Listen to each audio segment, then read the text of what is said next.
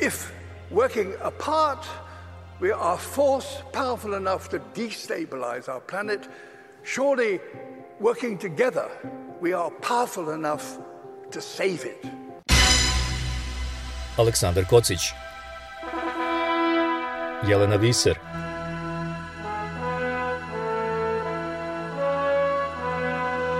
Radio Karantin. Hronika istorije u nastajanju my lifetime, I've witnessed a terrible decline. In yours, you could and should witness a wonderful recovery.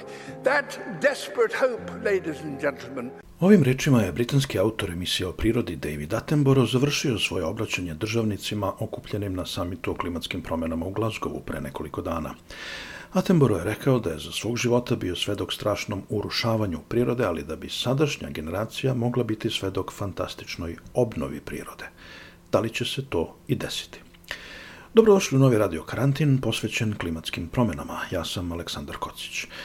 U Glasgowu još uvek traje klimatski samit koji po svemu sudeći neće doneti velike rezultate u smislu neophodnih smanjenja emisija štetnih gasova kako bi se prosečni rast temperature na planeti održao na 1,5 stepeni Celzijusa u odnosu na predindustrijsko doba. Zapadni svet je u Glasgowu uglavnom potvrdio svoje opredeljenje da dostigne karbonsku neutralnost do 2050. Kina je rekla da će to uraditi 10 godina kasnije, a Indija tek 2070.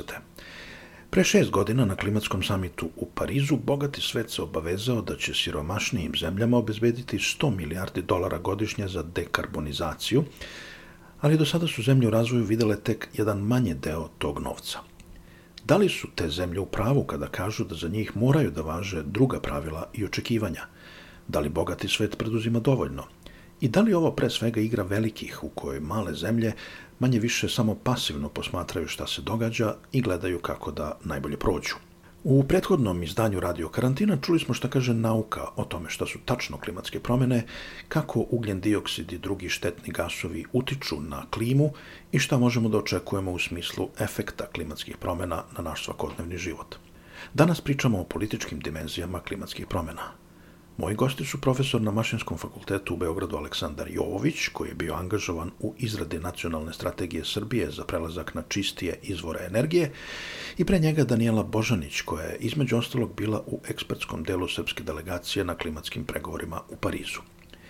Nju sam prvo pitao da nas podsjeti na to šta je dogovoreno u Parizu, s obzirom da su kasniji samiti, kao što je ovaj koji se trenutno održava u Glazgovu, praktično samo nastavak Pariza sa diplomatske strane gledano, znači značaj i leži u tome što, što je napravljen kompromis, odnosno nađen neki tekst koji je, da tako kažem, ovaj, prihvaćen znači, konsensusom od 197 država članica, mislim, što je stvarno jako, jako velika stvar. Prvo što je dogovoreno jeste da a, su države u obavezi i države su to prihvatile, znači da na pet godina dostavljaju svoje ambicije smanjenja emisija gasova sa efektom staklene bašte, a da one budu takve da se zaustavi rast srednje globalne temperature do kraja veka na 2 stepena, odnosno 1,5 sa intencijom da to zapravo bude 1,5 stepen Celsius. Da li su to sad, da li je Pariz obavezujući sporazum?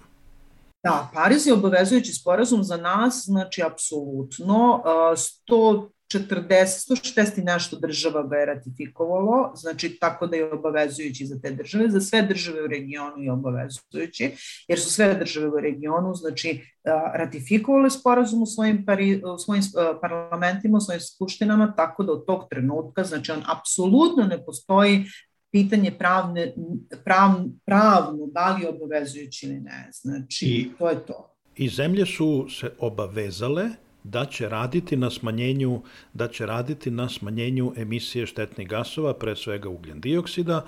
E, da li su tada već izneti konkretni planovi ili su to samo bile relativno neodređene? Države su se u tom trenutku obavezale da će da smanjuju sedam gasova. Sedam gasova sa efektom staklene bašte. Oni se izražavaju kao CO2 ekvivalent.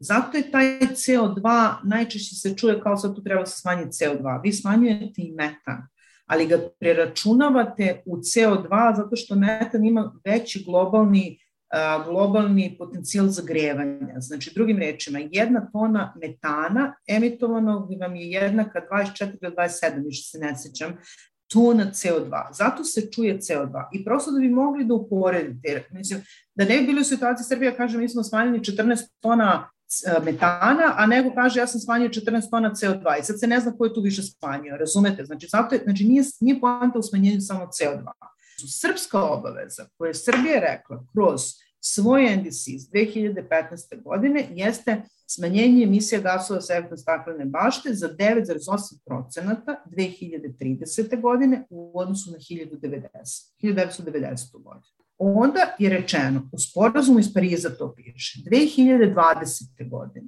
države članice sporazume iz Pariza, među kojima je i Srbija, će dostaviti svoj novi NDCs. Šta je NDC? Znači kratkoročni period, znači plan smanjenja za određeni kraći period, znači uglavnom se ide na 2030. Da vi dajete neku, neku daleku tačku gde želite da budete 2050. I to je rekla i Evropa. Evropa vam je rekla znači da će 2050 biti karbon neutralno a do 2030. će smanjiti svoje emisije za 50 do 55%. Zato što je ono što je do sada od država koje su potpisale i ratifikovale sporazum prikazano kao potencijalno, odnosno smanjenje koje će oni ostvariti, ne dovodi nas na onu trajektoriju 1,5 stepen.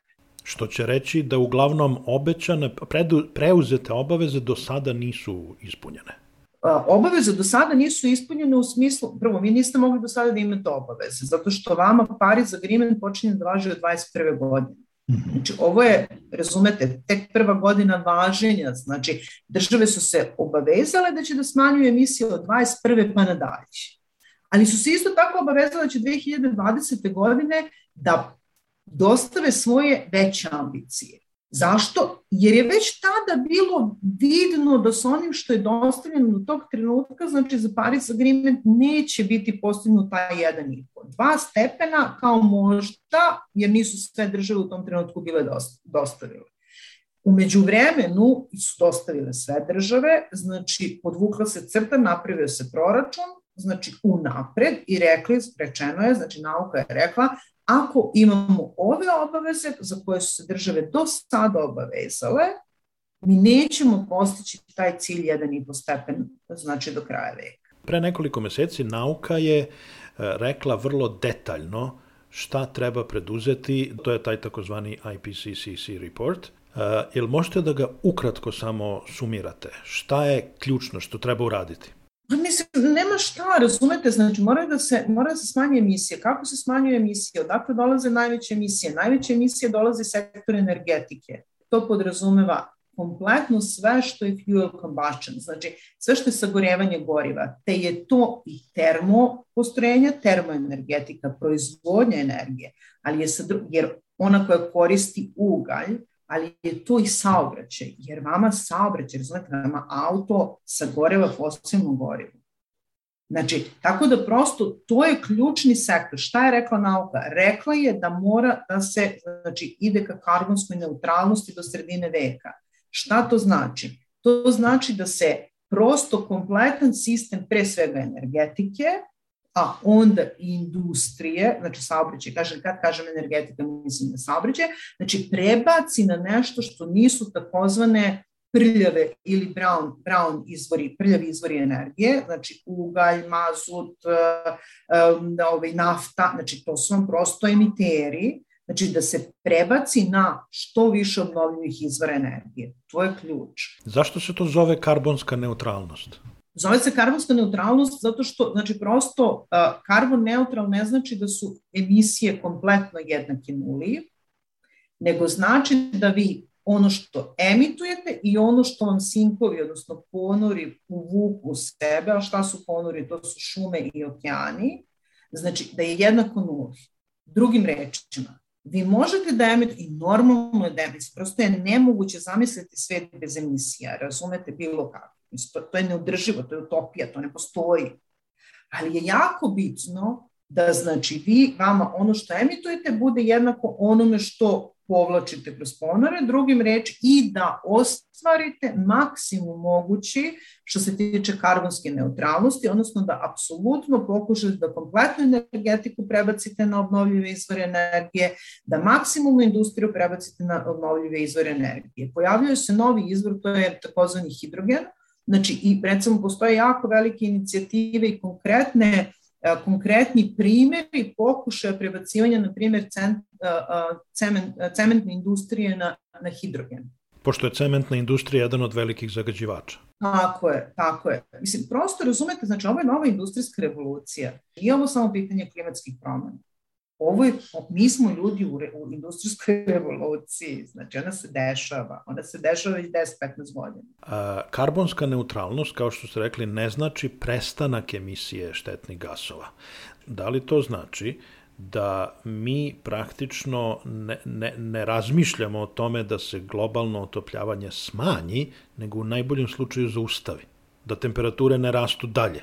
Mislim, on se ispušta, prosto se ispušta, razumete, on, bi se ispušta, on se ispušta i u prirodnim uslovima, mislim, prosto je nemoguće, razumete, vama promena, vama svaka, svaka zakopana lopata u zemlju dovodi do, do, do neke emisije, jer imate neki, neki sink i u zemljištu, razumete, znači, mislim, kako vam kažem, mislim, prosto ne možete da zamislite post, ostanak života na zemlji, a da nemate nikakvu, mislim, nikakvu aktivnost koja će da remeti prirodu, mislim, nije ni ideja. Čuli smo šta je rekla nauka i sad vas pitam, pošto vi ste bili aktivni u tim pregovorima i u pripremi dokumenta, šta kaže politika? Gde je zapelo? Političari rade za svoje glasače. U tim glasačima su uvek, odnosno u velikom broju ovi, tih glasača su i oni koji, koji uh, su neki, na neki način, da tako kažem, zavisni od fosilnih goriva. Znači, da li zbog toga što rade u industrijama, da li, mislim, prosto, znači, uvek imate onako, da tako kažem, lobiranje za ove i one stvari. Mislim, generalno, uh, mislim da tu negde možda izgleda da, da, ovaj, da, da je problem da zbog toga politika neće znači, agresivnije, da tako kažem, ili aktivnije da učestvuje na nekim stvarima. Globalno gledano, međutim, vi prosto vidite trendove. Vama je Kina rekla mi ćemo 2060. biti karbon neutralni. Vama je Evropa rekla mi ćemo 2050. biti karbon neutralni. Pojedine države članice i uh, Evropske unije ili Evrope, države Evrope su rekla čak i mnogo ranije, 2035 Ovi, hoću vam kažem, znači prosto to je trend. Bidenova administracija izašla sa jako ambicioznim planove. Industrija je već jako uložila u, u pomeranje, znači inovacije i pomeranje načina kako, kako ovi šta proizvodi. Ali zar nemate utisak da se to radi pod pritiskom? Jer evo imali smo skandal, imali smo skandal sa Volkswagenom, gde su mutili sa softverom koji kontroliše emisije na njihovim kolima, pa su dobili žestoku kaznu u Americi. Imamo sada, procureli su e, izveštaj BBC, objavio pre neki dan, u kojoj meri najveći zagađiva, zagađivači lobiraju, kao što je Saudijska Arabija, kao što je Australija i tako dalje, lobiraju da se svi, ti, svi ovi e, dokumenti ublaže, da zahtevi budu blaži nego što bi, odnosno obaveze koje treba da se preduzmu budu blaži nego što je bilo planirano, tako da me, me interesuje, znate, evo mi ovde u Škotskoj isto tako s jedne strane smo veliki pobornici ovaj, čiste energije, vetar pre svega, vetrenjače su na sve strane, ali s druge strane škotska nezavisnost, ako do nje dođe, se zasniva na vađanju nafte iz mora. Norveška takođe. Tako da me zanima koji je vaš utisak, da li je to ono povuci potegni ili mislite da je bogati svet zaista prelomio? Ja mislim da je bogati svet da, davno prelomio. Hoćete da vam kažem šta je moje lično mišljenje o tom članku BBC-a. Mislim da to nije ništa procuralo. Mislim da je to vrlo tendencijozno pušteno, jer vi ste imali posle tri dana hitan sastanak vlade australijske, koja je znači, onda potvrdila dolazak na, na svoju na konferenciju na COP26, pre toga je rekla da neće doći, ali tako? Znači, uh, znate kako to izgleda? Mi smo recimo imali pet godina, jedan od razloga zašto uh, je Paris Agreement, Paris Agreement 2015. a ne 2009 je to što je Saudijska Arabija uh, pokušavala uporno da u dokument koji će biti, znači taj Paris Agreement, ubaci zemlje proizvođače nafte i uglja u ono što se zove loss and damages. Loss and damages je nešto što je chapter, da tako kažem, ovaj, znači sporazum iz Pariza, koji se odnosi na najmanje razvijene zemlje u razvoju, odnosno one koji su najviše pogođeni izmenjenim klimatskim uslovima. Saudijska Arabija je insistirala na tome, znači da se ubace zemlje proizvođači, zašto? Zato će oni imati štete i gubitke jer ne mogu više da stvaraju znači, svoj GDP, svoju dobit. Godinama je to bila jedna stvar. Hoću vam kažem, UN proces i pregovori pod UN, tome i služe. I dobra strana ili loša strana UN-a jeste to što svaka država može da iznese svoje mišljenje i svaka država ima prava da se bori za svoje interese.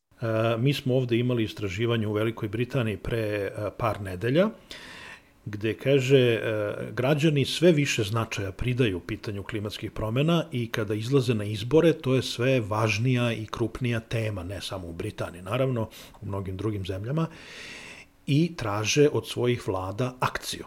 Istovremeno, kada pitate građane na šta ste vi spremni, kojeg odricanja ste vi spremni? Na primer, da li ste spremni da sutra vaša ulica bude zabra... nema parkinga u vašoj ulici? Građani masovno kažu, a ne, ne, ne. Ili da li ste spremni da se odreknete za dve godine svog automobila? Ne, to vam posla. Da li je možda to razlog zašto, zašto sve ovo ide relativno teško i sporo? Zato što ni građani još uvek nisu spremni da preuzmu svoj deo odgovornosti. Mi pričamo, znate da mi pričamo o karbonskoj neutralnosti 2050. Znate koliko je to daleko. Znači, prosto neke stvari ni ne možete, vi ne možete energetski sistem preko noći. Nije to isključio ključ. Mislim, nije ugasio pali svetlo. Znači, prosto treba vremena. Ali da, definitivno, znači, posebno u zemljama kojima se forsiraju priče to, ali mi trebamo se razvijemo, pa mi trebamo da zaštitimo rudare, pa naša struja je jeftina, pa mislim, znači, prosto tamo gde nema novca, gde je ekonomija u lošem stanju, gde ljudi teško žive, teško da razmišljaju o klimatskim promenama, to je jako veliki deo sveta. Da li je to deo razloga zašto e, Evropa kaže 2050. a Kina kaže 2060. karbonska neutralnost? Apsolutno, znači niko ni ne očekuje od, od nekog koji je industrijski razvijen, od nekog koji je industrijski u razvoju, da to budu, razumete, iste godine, iste aktivnosti, ista nivo, isti nivo smanjenja. To nije uopšte princip UN-a, niti je princip sporazuma iz Pariza. Sporazum iz Pariza kaže da industrijski razvijene moraju da budu mnogo ambicioznije i moraju da obezbede finansijska sredstva za industrijski razvijene, one koji su industrijski, u industrijskom razvoju. Radio karantin. Daniela Božanić. Aleksandra Jovovića pitao sam prvo da mi kaže na šta se Srbija obavezala u Parizu i sa čim je došla u Glazgov.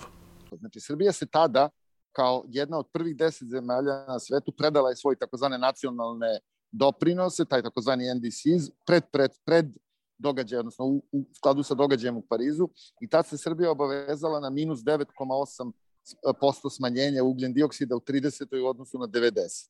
U tom trenutku to je delovalo vrlo solidno i vrlo ambiciozno u odnosu na prethodne godine i stanje uopšte privrede, pogotovo energetike u Srbiji. E, treba da vas samo podsjetim da je energetski sektor, gde naravno prednjeti proizvodnja električne i toplotne energije, najveći doprinositelj, uslovno rečeno, emisijama ugljen dioksida sa preko 70 70-80 zavisi od godine do godine. Umeđu vremenu je Parijski sporazum u Srbiji postao obavezujući, iako to ljudi još ne razumeju. Pa, Parijski sporazum je ratifikovan u Skupštini i postao je deo znači, srpskog zakonodavstva kao međunarodni ugovor ima poseban, posebno znači dodatni značaj. Srbija se tada obavezala da će svoj, između ostalog, da će raditi na dodatnim merama, znači na daljem smanjenju i da će predati svoj unapređeni nacionalni doprinos u roku od pet godina. Pet, peta godina istekla je prošle godine i e, Srbija, nažalost, nije predala taj unapređeni doprinos. 130 i nešto zemalja je trenutno predalo pred ovaj kop u, u, u Škotskoj. 130 od 190 i, i nešto zemalja. Srbija je umeđu vremenu izradila strategiju niskougljeničnog razvoja i na osnovu nje i stanja, naravno, sa inventarima i tako dalje, uradila svoj takozvani drugi bur i treću nacionalnu komunikaciju, ali nijedan od tih dokumenta, da kažem, nije postao zvaničan zato što nisu usvojeni na zvaničnim organima Republike Srbije. Strategijom niskogljeničnog razvoja predviđeno je smanjenje emisije 30 na 90 za 33,3%, ukupno smanjenje emisija gasova sa efektom staklene bašte, što je u tom trenutku, znači pre par godina, bilo dosta značajno i veliko, veliko smanjenje, vrlo u skladu sa svim svetskim stremljenjima. 2030. u odnosu na 1990. 33,3% smanjenja. Umeđu vremenu Evropa je izašla sa novim, da kažem, novim, novim ciljem, novim targetom od 55%, tako da i čak i ovih 33% je relativno mali, mali doprinos. Srbija znači treba sada da poveća svoj uticaj, ali da kažem u ovom trenutku i 33,3 kada bi postalo obavezujuće imalo bi, imalo bi nekakvog smisla za dalji razvoj. Ali kažem, u ovom trenutku Srbija nije usvojila ni jedan dokument. Ono što jeste posebno problematično, zaista, i politički, je što je Srbija izašla sa tim brojkama a, prošle godine u decembru na onom sastanku šefova država vlada i tako dalje, koji je bio neka vrsta zamene kopa, jer je kop prošle godine otkaz. Tada je predsednik Republike izneo sve te brojke u svom obraćanju, znači zvaničnom obraćanju Republike Srbije ovaj, na, na predstavljanju i sve te brojke koje su, se nalaze i u strategiji niskogljeničnog razvoja i u tim nacionalnim dokumentima i u našem unapređenom nacionalnom doprinosu su tada bile iznete. Ono što je problem, od tad do danas se ništa, da kažem, novo nije desilo, pri čemu sada, znači, predsednik Republike ide za Škotsku, ide manje više sa istim brojevima, što baš ni diplomatski nije, nije, nije uvek dobro prosto da ponavljate jedno te isto, a drugo ide bez jednog usvojenog nacionalnog izveštaja, što je prilično, prilično problematično, s obzirom da će se tamo pojaviti a da, a da kažem, ne drži u rukama ni jedan zvaničan državni dokument, što, što nije, nije dobro prosto za Srbiju, ni u diplomatskom, ni za njega, mislim, lično, ni za nas kao prosto građane ove zemlje. E sad, jedno su e, planovi i dokumenti, a drugo je stvarnost na terenu. Da li je Srbija do sada nešto konkretno preduzimala na smanjenju emisija štetnih gasova, pre svega ugljen dioksida? Postoji veliki broj projekata znači, koji se realizuju više ili manje u oblasti, da kažem, e, klime. Jeste dosta tih projekata, onih što bi rekli soft projekata, dosta ih je u oblasti adaptacije, znači u oblasti poljoprivrede, šumarstva i slično, ali ne mogu da kažem da ni industrija nije radila na tome. Urađene su i ove, da kažem, strateški dokumenti, strategije energetike, sad se radi nova strategija energetike, radi se ovaj NDC, radi se ovaj NET, znači nacionalni plan za klimu i energiju. Srbija je član energetske zajednice i po tome takođe ima obaveze. S druge strane, ne direktno, pove, ne direktno zbog klime, ali Srbija je usvojila i svoj onaj nacionalni plan za smanjenje emisija starih postrojenja za sagorevanje, gde su dve termoelektrane predviđene za gašenje krajem 23. godine, a određene mere smanjenja zagađenja vazduha, sada koje nije direktno vezano za klimu, naravno, takođe su u njemu, radi se znači, neki, neki, neki projekti. E, ne mogu da kažem da nije urađeno ništa na terenu, imate puno sporadičnih projekata, urađene su neka postrojenja za otpadne vode, urađene su neke regionalne deponije, biogasna postrojenja na deponijama koje će sada onemogućiti da metan bez sagorevanja ili bez upotrebe ode u, ode u atmosferu. Ali i dalje se ne osjeća ta ključna potreba da su ove promene koje se trenutno u svetu dešavaju, ne računajući se da ovaj poremećaj energetsko, sa energetskom krizom, ali sve ove promene koje se dešavaju, Green Deal koji je, da kažem, evropski Green Deal i pandan njemu ili čerka njemu zelena agenda za, za Zapadni Balkan i Sofijska deklaracija koju je Srbija takođe potpisala kao obavezujući dokument. Premijerka je potpisala taj dokument. Predstavljaju stvari uvod ili u Srbiji uvod, ali da kažem u svetu već uveliko tehnološku revoluciju. Znači potpuno jednu izmenu načina razmišljenja i u, u, u smislu privrednog razvoja. Sprovođenje ovog mehanizma carbon border takse koje Evropa takođe uvodi ne samo da bi se nekome naplatila neku taksu, nego da bi prosto pokušala da napravi karbon neutralnu Evropu do 2050. predstavlja tehnološki zahtev za, za privrede svih zemalja u svetu koje žele da sarađuju naravno sa Evropom. Mi smo deo Evrope, teli mi to ili ne. Naša, naše kompanije će, ključne kompanije trenutno, znači proizvaci čelika, aluminijuma, veštačkog đubriva, biće direktno pogođene od 26. godine tom karbonskom taksom, jer koriste fosilna goriva i koriste struju iz fosilnih goriva, uzimajući je naravno iz elektroprivrednog sistema koji je zasnovan dalje na uglju, biće direktno pogođeni i postaće nekonkurentne na tržištu. Znači, nije ovde pojenta da mi samo smanjimo emisiju CO2 u smislu nekog fizičkog smanjenja na nekoj lokaciji ili od nekom postrojenju, već da se ceo taj privredno-tehnološki koncept promeni, da izađemo iz ove ugljene priče i pređemo u potencijalno neku drugu. Evo da vas pitam to, koliko je to realno? Jer, mislim, svi znamo i učili smo u školi u kojoj meri se Srbija i uopšte bivša Jugoslavija oslanjaju na ugalj. Koliko je realno da Srbija u narednih 20-30 godina uh, pređe sa uglja na čistije izvore energije? Znači, pre svega kad je energetsko snabdevanje u pitanju, pa onda grejanje, daljinsko grejanje stanova, pa da se zamene stari, ovaj, stara vozila koja su na ulicama, koja su isto veliki zagađivači i tako dalje. Koliko je sve to realno u narednih 20-30 godina u zemlji e, relativno siromašnoj kao što je Srbija ili Bosna ili Crna Gora, nije bitno. Klimatske promene su kao evidentne, definitivno, zato su ljudi dobili Nobelove nagrade kao evidentne, uh, one su samo oki, okinule, da kažem, postale okidač za celu tehnološku revoluciju. Prosto, uh, 19. vek je bio vek čelika, 20. vek fosilnih goriva, svetu zaista treba nova tehnološka revolucija. Prosto se sve, sve nekako je zastalo. I uh, mi hteli, ne hteli, nekako moramo da se uključimo u tu, u tu priču ili ćemo postati potpuno ono Afrika 50. godina.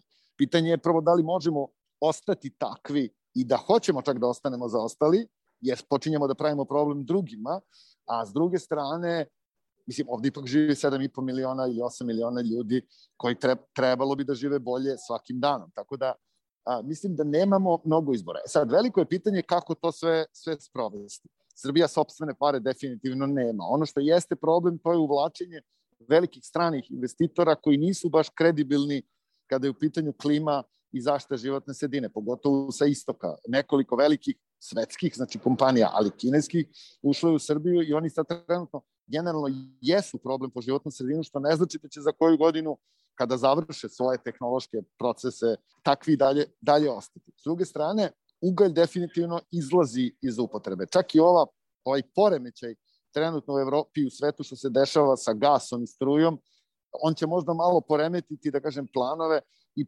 probuditi nekakve lobije ili nekakve organizacije koje pokušavaju da nametnu sad neke druge koncepte, ne znam, nuklearne energije i slično, pa čak se i u Srbiji to ponovo pojavilo, ali izvesno je da ta vrsta tehnologije u Srbiji ne može da dođe dugi, dugi niz godina. Niti resursno mi imamo, niti ljudski kapaciteti su takvi i ono što smo imali pogasili smo na elektrotehničkom i drugim fakultetima da bi se to sprovelo. Znači, jedina prilika nam je da za, u narednih 20 godina izlazimo iz ove fosilne priče i sve više prelazimo u nekakve obnovljive. Do 70. godina i bivša Jugoslavija, pogotovo Srbija, nisu bile ugljarske zemlje. One su bile vezane za hidropotencijale, velike hidropotencijale. Ok, hidropotencijali su dosta iskorišćeni, ali nije taj proces završen. Imate i druge obnovljive izvore. Danas se u Srbiji ipak grade nekakvi vetro i solarni parkovi i potencijali kažu da, da, da potencijali su još, još postoje veći. S druge strane, broj stanovnika se smanjuje. Znači, mi generalno u tom smislu za 20, 30, 40 godina deluje da će nas biti manje nego danas. E, ono što čini mi se ovde sada ključno nedostaje u Srbiji, to je, evo kažem, strategija kao papir, ali generalno razmišljanje kuda zaista želimo da vidimo Srbiju 30. odnosno 50. godine. Da li mi želimo da budemo industrijska zemlja, znači zasnovana na klasičnim industrijskim procesima, proizvodnje bakra, čelika, pesticida i tako dalje, ili će se zemlja pomerati u nekom smeru, ajde da kažemo, više usluga, znači turizma, poljoprivrede, pri čemu treba voditi računa, evo vidite i kada ekološki pokreti govore o industriji, oni uvek nameću poljoprivredu kao pandan.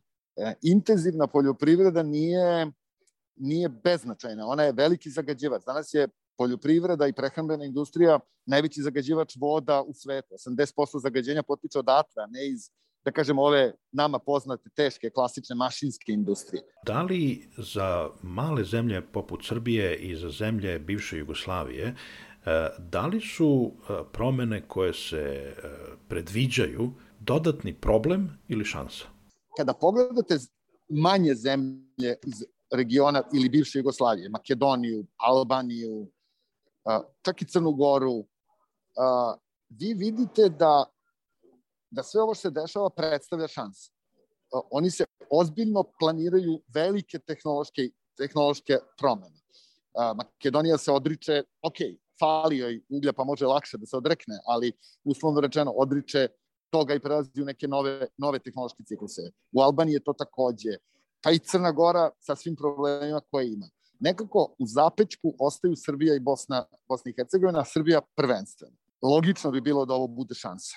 Neka sredstva, što unije, što sobstvena sredstva, koja nisu mala, a, mogli bi da postanu zamaja zaista za neke novu cirkularnu ekonomiju koja se takođe pominje. Ovde svi to vide kao, kao prazne reči. Nekako ozbiljnost sveta da se promeni ovde se i dalje odbija da, da postoji. A, čini se da taj, taj mentalni, mentalni razvoj je neophodan, ali je za njega ključna, sad to glupo zvuči, možda i suviše floskula, ali i vladavina prava i razvoj demokratske misli. Ne možete imati autoritativnu vlast i jako dobro razvijen, razvijenu zemlju.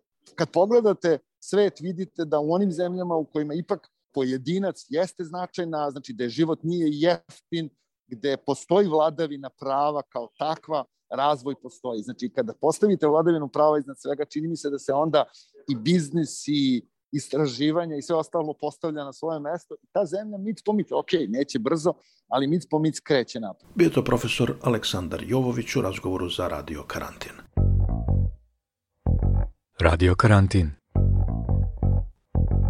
U sledećoj emisiji Danijela Božanić, Aleksandar Jovović i Vladimir Đurđević sa Fizičkog fakulteta u Beogradu analizirat će za nas rezultate samita u Glazgovu sa političke i naučne strane. Pratite nas na Soundcloudu i Facebooku i podržite naš rad jednokratnom ili mesečnom uplatom preko Paypala i Patreona. Detaljnije o tome na našem web sajtu radiokarantin.eu. I hvala vam što slušate i čitate Radio Karantin. Čujemo se. Aleksandar Kocić. Jelena Viser.